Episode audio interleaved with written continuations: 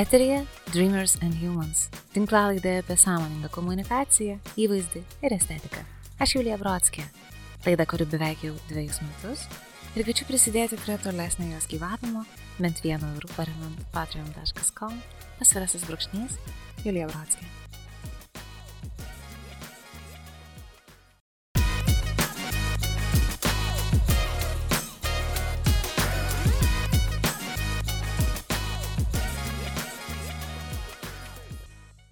Sveiki. Ši laida gimsta kaip pastarąjį rudenį mano vestų dirbtuvių referatas. Įvairiausiose dirbtuvėse dalyvavo kolegijų studentai, aktyvios moterys, mamos verslininkės. Sąmoningos ir sveikos komunikacijos tema buvo jiems visiems labai labai aktuali. Tikiu, kad ji išliks aktuali ir ateityje. Todėl nusprendžiau ją viešinti plačiau ir daugiau kalbėti apie sąmoningą komunikaciją ir mažiau apie įvairiausias taisyklės ir mokymus. Tad laidoje vieną po kitos mes aptarsime įvairias baimės susijusias su komunikacija ir pabandysime jas dekonstruoti. Tam, kad tai įvyktų kuo harmoningiausiu būdu, kviečiu mano užduodamus savirefleksijos klausimus užsirašyti ir paieškoti vidinių atsakymų į juos. Taip, taip, ši laida tai tarsi mini dirbtuvės. Jeigu kartais jos klausotės miške, klausimus vėliau rasite laidos apraše. O tiem, kas klausotės namuose, nuoširdžiai linkiu pabūti su jais, galbūt pasižymint dienoraštyje, o galbūt vėliau pasidalinant su draugais prasmingų pokalbių metu. Pradėkime nuo pradžių. Dar prieš metus jūs galėjote sutikti mane vedant mokymus apie turinio kūrimą, planavimą, visokias socialinių tinklų taisyklės ir net algoritmus. Laikui bėgant pastebėjau, kad žmonės kursus išeina, medžiaga tarsi išmoksta, bet praktikoje nedaug kas įvyksta. Tai yra, komunikacija nepradeda važiuoti kaip iš pypkės. Pasitikėjimas savimi nešauna viršun. Galvau, kodėl? Kodėl taip yra? Ir natūraliai netekau motivacijos vesti tokius mokymus. Supratau, kad nežiniuose arba jų trūkume problema, o kažkur kitur. Pradėjau ieškoti giluminių atsakymų. Bendraudama su mokymų dalyviais, mokiniais, klientais, supratau, kad kol viduje pilna kompleksų, kol kliba vidinis stuburas, kol remiamės išoriniais autoritetais, smagę, malonumą teikiančią autentišką komunikaciją kurti yra labai sunku.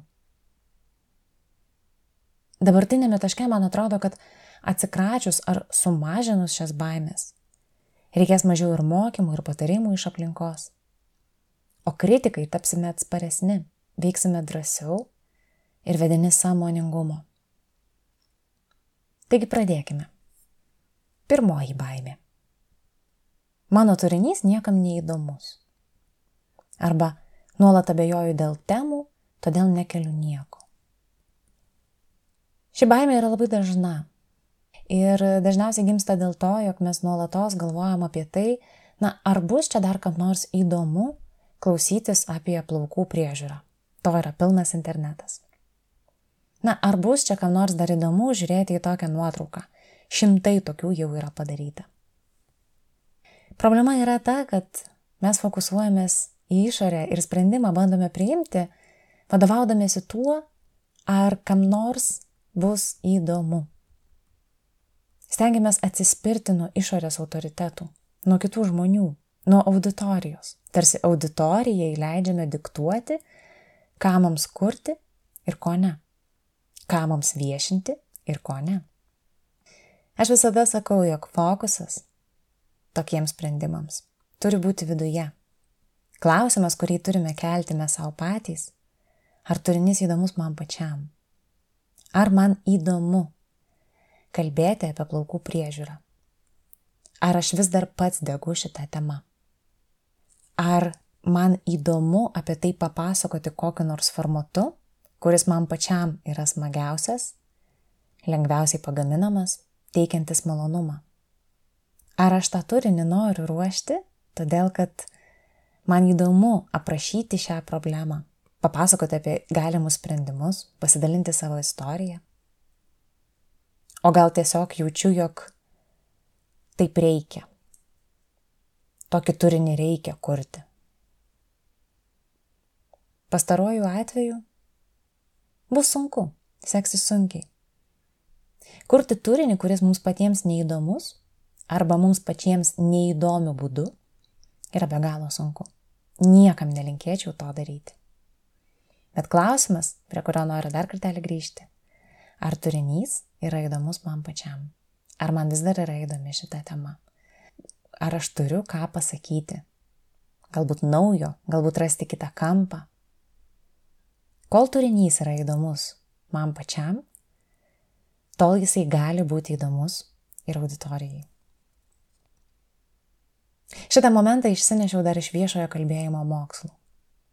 Aš žinau, kad net apie kvantinę fiziką klausytis gali būti be galo įdomu, jeigu kalbėtojas, scenoje esantis žmogus, kalba apie ją degančiamis akimis, naudoja gestų kalbą, nuolat palaiko santykių su auditorija, geba įdomiai papasakoti apie tai, kas rodos įdomu yra tik tai jam pačiam.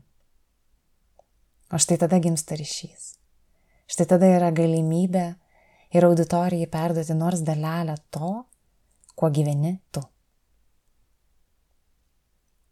Tad klausimai savirefleksijai. Ar aš įdomus savo pačiam? Ar aš pasitikiu savimi? Ar giliai viduje tikiu savo srities verte? Ar man įdomu kalbėti temomis, kuriomis šiuo metu kalbu, o galbūt man kas nors įskiepijo idėją, kad jomis kalbėti reikia. Antroji baime. Šiom temom juk prikalbėta apščiai. Jinai išplaukė iš pirmosios. Tačiau pagrindinė problema, kurią šioje vietoje įvardyja mūsų smegenys, yra tai, kad, na, nors man įdomu apie tai kalbėti, Ir aš tikrai, tikrai žinau, kad aš turiu ką pasakyti šitą temą. Bet jau kas antra kosmetologija apie tai kalba. Arba kas antra floristė pateikia būtent tokius pavyzdžius.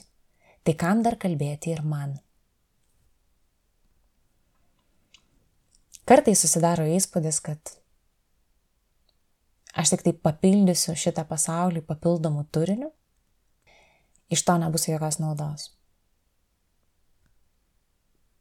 Aš noriu priminti vieną momentą.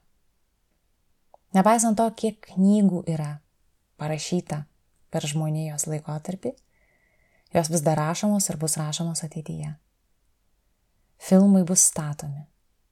Fotografija ir spektakliai yra ir bus kuriami. Ar žinote kodėl? Todėl, kad yra žmonių, kurie negali to nedaryti. Jiems neįdomu, kiek jau yra sukurta to paties turinio. Jie daro todėl, kad tai yra jų sielos duona. Jiems tai įdomu. Jiems tai yra gyvybė, pats gyvenimas. Galbūt jie labai labai smarkiai mėgaujasi procesu, net nesigilindami į rezultatą. Bet esmė yra tokia, kad yra gebėjimas atpažinti, atrasti savyje tą sritį, kurią norisi daryti. Norisi daryti netgi tuo atveju, jeigu nebėra socialinių tinklų, jeigu nebėra kam parodyti savo kūrybos vaisių. O vis tiek norisi tai daryti. Tai štai klausimas savirefleksijai. Ar aš negaliu nedaryti to, ką šiuo metu darau, domiuosi? Kokią pamatinę prasme šioje veikloje jaučiu? Tikriausiai teko girdėti Rilkės frazę. Jeigu gali nerašyti, nerašyk. Žinau, kad kiekvienas iš mūsų turime nors vieną sritį gyvenime, kurios negalime nedaryti, nes tai yra tarsi mūsų neatsiejama identiteto dalis. Kai kurie iš, jų, iš mūsų galbūt jos dar nesame atradę. Aš labai labai linkiu, daryti gyvenime tuos dalykus, kurių negalime nedaryti. Apie juos komunikuoti ir kalbėti bus didžiulis džiaugsmas ir malonumas. Trečioji baimė. Bijau, ką pagalvos kiti. Galbūt išjuoks ir šaipysis. Man klientai kartais pasakoja, kad jų kelionės pradžioje giminės artimieji, galbūt net partneriai, kreivokai žiūrėjo į jų idėjas. Mes visą laiką esam vertinami. Mūsų veiklai yra dedamos etiketės. Tai štai kas yra svarbu. Mes negalime kontroliuoti kitų minčių. Mes niekada neįtiksime visiems. Nėra prasmės net bandyti. Todėl galvoti, ar mane išjuoks, ar iš manęs šaipysis, ar man už akių ką nors kalbės, yra elementarus energijos švaistimas. Jeigu mes norime daryti tai, ką darome, ir norime skleisti žinę apie tai, darykime tai. Svarbiausias klausimas čia yra, ką aš pats galvoju apie šią veiklą. Ar man pačiam jinai patinka? Klausimai savirefleksijai. Ar mano savivertė priklauso nuo manęs, ar paremta kitų vertinimu? Ar aš patinku savo? Jeigu į pirmąjį klausimą atsakysite, kad jūsų savivertė yra labai labai smarkiai priklausoma nuo kitų žmonių vertinimo ir grįžtamojo ryšio, tai yra didžiulis signalas, kad gyvename nelaisvėje. Labai sunku veikti, nuolat galvojant apie tai, kaip mano darbo rezultatus įvertins kiti. Ketvirtoji baimė. Bijau kritikos. Ji labai panašiai prieš tai įvardintąją. Tačiau skirtingai nuo atsitiktinio grįžtamojo ryšio arba kitų žmonių nuomonių, kritika gali būti dviejopa - konstruktyvi ir nekonstruktyvi. Konstruktyvę kritiką linkiu gauti dažnai. Ji turi didžiulės vertės. Pateiksiu pavyzdį kuomet draugė man sako, jog nuotrauką darydama turėjai pasirūpinti geresniu apšvietimu. Arba šis kadras puikus, tačiau kitą kartą paredaguočiau šešėlius, prislopinčiau spalvas. Bus geriau. Ši kritika yra konstruktyvi ir ji tarsi atidaro duris. Atidaro duris man tobulėti ir ateina iš žmogaus, kuriam aš rūpiu ir jisai nori, kad mano darbai būtų geresni. Dekonstruktyvios kritikos pavyzdys.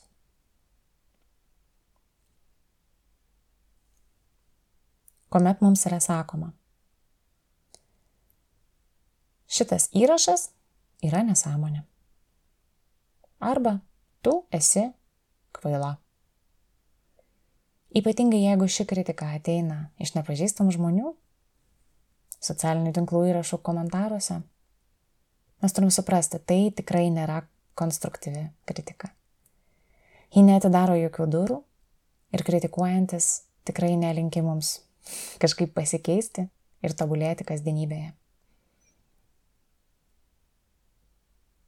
Tokią kritiką priimti yra labai sunku ir tenka mokytis į ją nekreipti dėmesio, stengtis neužsigauti, tiesiog pamiršti ir gyventi toliau. Klausimai savirefleksijai. Ar kritikos bijau socialiniuose tinkluose ar ir kasdienybėje? Kieno nuomonė man iš tikrųjų svarbi? O kieno nuomonę galėčiau ignoruoti? Pagalvokime. Galbūt tam tikrais klausimams mums yra labai svarbi partnerio, draugių nuomonė. bet absoliučiai nerūpi pusėserių, pusbrolių nuomonė. Ir į kieno nuomonę iš tikrųjų reikėtų atsižvelgti, kuomet sulaukiame grįžtamojo ryšio apie vienus ar kitus savo darbo rezultatus. Galbūt ne visais klausimais konkretus žmonės mums yra autoritetai. Tinklalaidai Dreamers and Humans jau beveik dviejų metai. Jį lydi jūs prie kavos podelio kelionėse, pasivaikščiojimuose, o taip pat juos klausomuose universitetuose ir kolegijose. Ačiū Jums. Nuo šiol už tinklalaidės kuriamą vertę galite atsidėkoti ir eurais, kad ir vienu euru.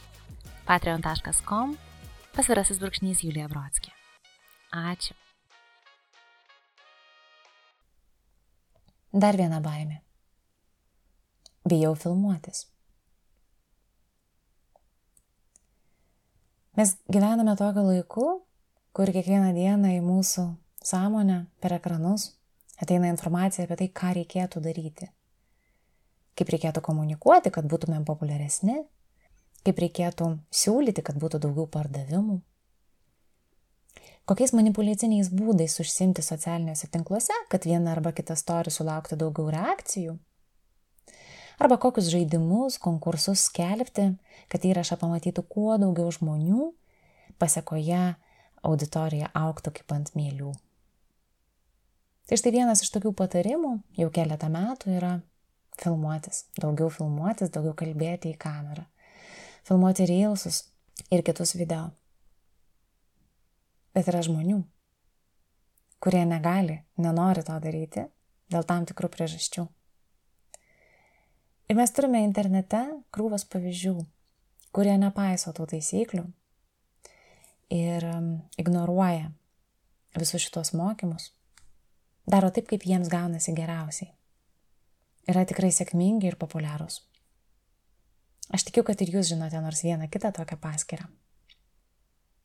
Aš esu šventai įsitikinusi, kad komunikacija jinai neturi būti sunkus vežimas, kurį mes velkame į kalną bet jisai tokiu tampa, kuomet stengiamės atitikti tą idealų komunikatoriaus vaizdą, kuris moka montuoti, filmuoti, koreguoti kadrus, fantastiškai rašyti tekstus, tokius, kurių neįmanoma neskaityti. Ir mes mokomės visų šitų dalykų, perkame įvairiausius kursus. Tačiau, kaip aš jau minėjau šio įrašo pradžioje, kursai ne visada išsprendžia dalykus. O būtent taip yra todėl, kad kuomet darome tai, kas mums neįdomu, nepatinka, neteikia džiaugsmo, mums yra labai sunku. Mes tai darome kelis kartus ilgesnį laiką, patiriame frustraciją, nepasitenkinimą ir stresą. Aš labai labai linkiu atrasti, kuris komunikacijos būdas, forma, rušis mums labiausiai patinka. Ir naudoti tik tai ją. Paeksperimentuokite. Jeigu patinka rašyti, nebekreipkite dėmesio į vizualą. Jeigu patinka fotografuoti ir redaguoti, darykite tik tai tai.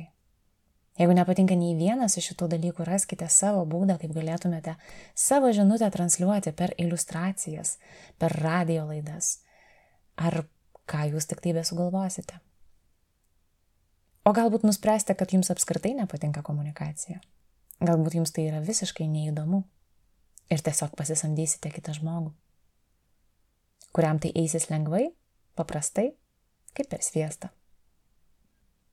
Kuo labiau atrastas būdas bus effortless, tuo daugiau laiko liks savo mylimai veiklai veikti. Na ir paskutinė baimė šiandieną. Palyginti su kitais, turiu mažiau sekėjų. Mano siena netokia graži. Įsitraukimas žemas. Čia ir vėl. Mes prisižiūrime gražių vaizdų ir lyginame su jais. Mums atrodo, kad mes visą laiką nepakankamai gerai fotografuojame, rašome, komunikuojame. Ne tuo laiku įdedame įrašą. Ne taip gerai sumontuojame video. Kartais mes darome klaidą dėl to, jog lygiuojamės į žmonės kurie tai daro žymiai ilgesnį laiką arba yra profesionalai tam tikrose sritise. Ir norime jau šiandien taip pat daryti kaip ir jie, pamirždami, kad mes galbūt ką tik startavome. O kartais mes žiūrime į kitus ir lyginame save su kitais, nes nemokame patys savęs įvertinti ir pasidžiaugti savo gebėjimais. Tol, kol žiūrėsime į kitus, gainiosimės skaičių, lyginsimės su kitais, visada jausime įtampą ir komunikuodami, ir apskritai dirbdami. Klausimas savirefleksijai. Ar mano veikla ir mano komunikacija patinka man pačiam? Ar turinio kūrimo procesas man malonus, džiuginantis ir teikiantis pasitenkinimą? Jeigu iš juos klausimus atsakome neigiamai, tai yra didžiulis signalas, kad mes labai daug savo laiko išeikvojame ten, kur nėra nei energijos ir greičiausiai nebus gerų, džiuginančių rezultatų. Man labai patinka ta idėja, kad mes turime ne tik tai dirbti ir daryti tai, kas mums labiausiai patinka, bet ir komunikuoti taip, kad mums patiktų patiems. Kad mums patiems patiktų save sekti, jeigu būtumėm savo sekėjai. Ir kad turinio kūrimo procesas būtų kaip mūsų veiklos tesinys, testinumas, kad tai gimtų organiškai, paprastai, lengvai, sutikme. Jeigu aš jaučiu, kad mano komunikacija man nebepatinka, aš visą laiką galiu nuo jos atsitraukti. Mėnesiui dviem, nebekurti nieko. Nesugrius pasaulis, nesugrius socialiniai tinklai ir jūsų pardavimai dėl to. Tiek komunikuojant, tiek veikiant, Svarbiausia yra mūsų emocinė gerovė, samoningumas, vidinė ramybė, pasitenkinimas. Aš labai labai tuo tikiu. Man atrodo nesąmonė veikti pagal visas įmanomas taisyklės, kurti nuostabų blizgantį viršelį, kelti pavydą kitiems, o viduje jaustis sumautai ir nesidžiaugti paprastą, elementarią, pilką kasdienybę, su kuria mes kiekvieną dieną kiekvienas susidurime. Bet dienos pabaigoje ta kasdienybė kuria didžiulį mūsų gyvenimo paveikslą ir yra labai labai labai svarbi to viso paveikslo dalis. Linkiu samoningumo, tiekmės ir kuo daugiau malonumo gyvenime.